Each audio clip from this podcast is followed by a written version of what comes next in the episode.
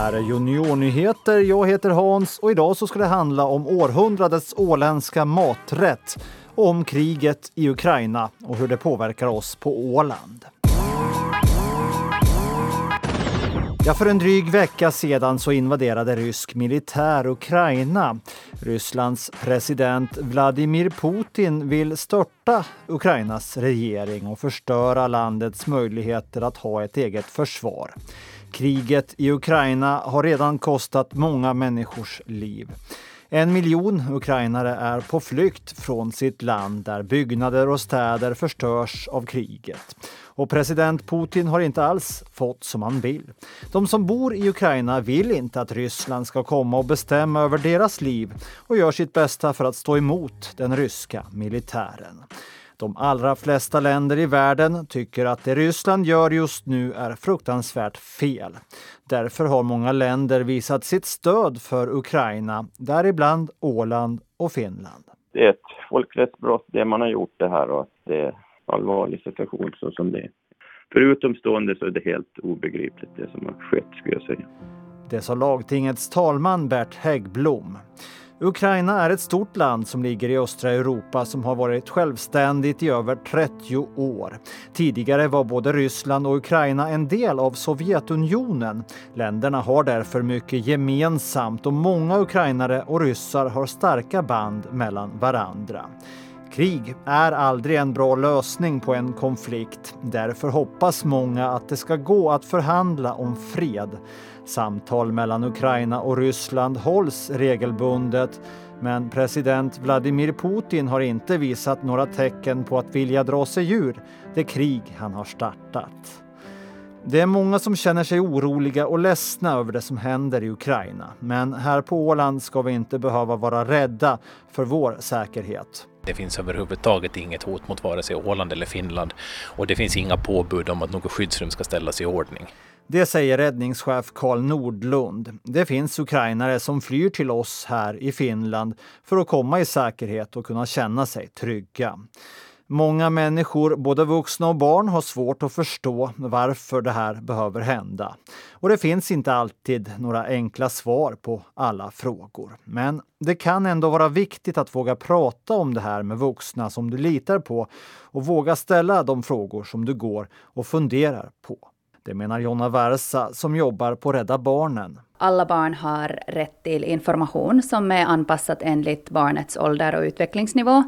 Men samtidigt har alla barn också rätt att skyddas från sånt material och sånt information som är olämplig för barnet och kan vara skadlig. Så det här är en sån stor fråga som diskuteras hela tiden i hela samhället, märker vi nu. Och jag tänker att det som är också viktigt är att barnet, barn har möjligheten att diskutera de frågor som de är oroliga. Så det känns väldigt viktigt att, det, att de här diskussionerna inte förbjuds på något sätt, utan att barn har möjligheten att, att liksom bearbeta frågor och rädslor och oron som de har tillsammans med, med andra och, och förstås sen tillsammans med, med vuxna också. Samtidigt ska vi komma ihåg att allt som står eller sägs om kriget inte är sant. Inte heller bilder är sanna alla gånger. Alltid förekommer det lögner av olika slag för att påverka medborgarna i det krigande landet eller omvärldens syn på allting dagens krig så är lika mycket ett informationskrig nästan som ett krig på marken. Så att vi måste vara mycket försiktiga i vilka information vi tar emot och hur vi bedömer det. Jag skulle säga att, att de stats ägda Eh, YLE, SVT och så vidare bortåt BBC är ganska säkra informationskällor medan man ska förhålla sig lite mer skeptisk till sånt som finns på säg kvällstidningarnas nätsidor eller på de sociala medierna. Och nu ska jag ännu vilja lyfta ett litet varningens finger och en påminnelse egentligen åt föräldrar och lärare att man ska sovra eller försöka se att ungdomarna och barnen ska sovra det som du ser på, på det, deras liksom kanske närmaste medie idag, det vill säga TikTok, var det kommer ett flöde som ingen kontrollerar och som kan se alldeles för jävligt ut och som nog kan skapa en, en större oro hos dessa barn och ungdomar än vad de behöver få ta emot. Så att jag menar någon typ av diskussioner åtminstone med barn och ungdomar, att, att förhålla er kritiskt och försöka kanske lite tagga ner hur mycket ni använder de sociala medierna, framförallt TikTok, för att där är informationen totalt okontrollerad sa professor Göran Djupsund. Vi är många som känner med de människor som har drabbats av kriget i Ukraina och också här på Åland är det många som har valt att engagera sig för att hjälpa krigets offer på olika sätt. Privatpersoner har samlat ihop kläder och mediciner och annat som har körts ner till Ukrainas gräns mot Polen dit många människor flyr. Vi, vi vill göra vad vi kan bara, att hjälpa dem som, som tappade allt och, och, jo, och har ingenting absolut där och, och vi, jo, vi kan göra vad vi kan. Att, att samla hjälp från, från människor som vill hjälpa. På Åland förbereder sig kommuner och privatpersoner för att det kan komma flyktingar hit som kanske behöver vår hjälp. Landskapsregeringen har valt att skänka 300 000 euro till hjälporganisationer. Andra manifesterar för fred och visar sin sympati med det ukrainska folket. Men vi ska komma ihåg att eh, bara för att man är ryss så behöver inte det betyda att man gillar det här kriget. Det finns faktiskt många ryssar som inte heller tycker att det här är någon bra idé. Men många är rädda för vad det kan få för följder om man uttalar sig negativt mot Vladimir Putin.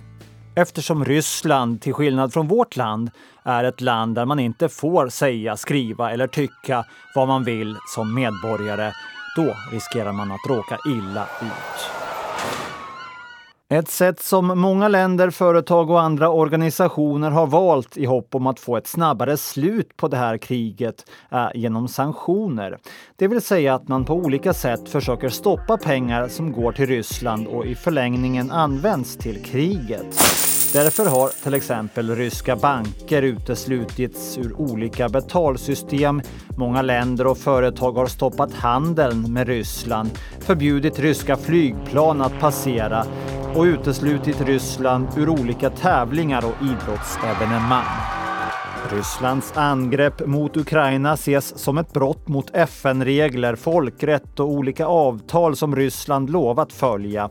Därför försöker man straffa Ryssland så att befolkningen där inte ska känna att det är värt priset att fortsätta kriga.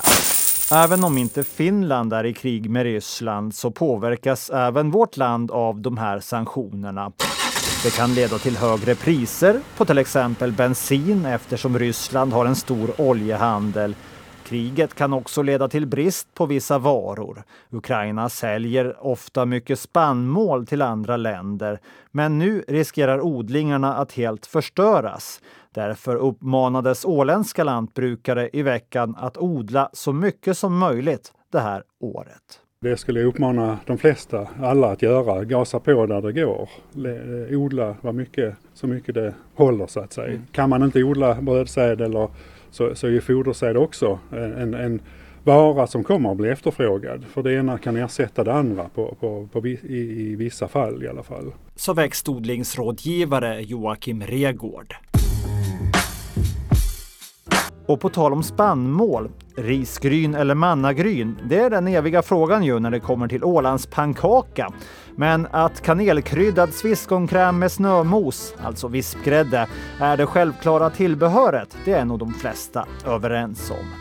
I veckan så utsågs vinnaren i tävlingen Århundradets åländska maträtt där över 2000 ålänningar hade gett sin röst på de nio finalisterna. Marika Sundqvist presenterade topp tre i tävlingen. På tredje plats har vi Röckakorven. Andra platsen här nu då bland ålänningarna som röstat? Sjöfågel. Mm -hmm. Det var många olika varianter på sjöfågel nominerad men, men i recepttestet har vi tagit med liksom sjöfågelstek. Till exempel knipa eller vigg står det här i recepthäftet mm. som jag ser. Ja, just det. Vinnarvasen solklar, det ska vi, det ska vi, det ska vi nog säga. Mm. Och det är ingen skrällseger? Det blev Ålandspannkakan som är århundradets åländska maträtt. Rekommendationen om att använda munskydd tas bort från och med idag, fredagen den 4 mars. Munskydd ska man fortfarande använda på sjukhuset, men i andra fall så blir det upp till var och en att göra som man känner för. Ingen ska behöva bli arg på någon som väljer att bära munskydd eller helt enkelt väljer att inte göra det. Det var allt för Juniornyheter. Vi är tillbaka om en vecka.